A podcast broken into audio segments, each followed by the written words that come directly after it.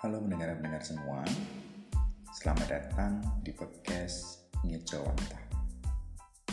Di podcast ini, kita bakal bicara banyak tentang kebudayaan Jawa, baik itu sejarah, tradisi, dan adat istiadat. Karena sesuai dengan namanya, Ngejawantah dalam bahasa Jawa berarti menjelaskan atau menerangkan. Oke, gue Sandi. Sampai jumpa di episode-episode selanjutnya. Selamat mendengarkan.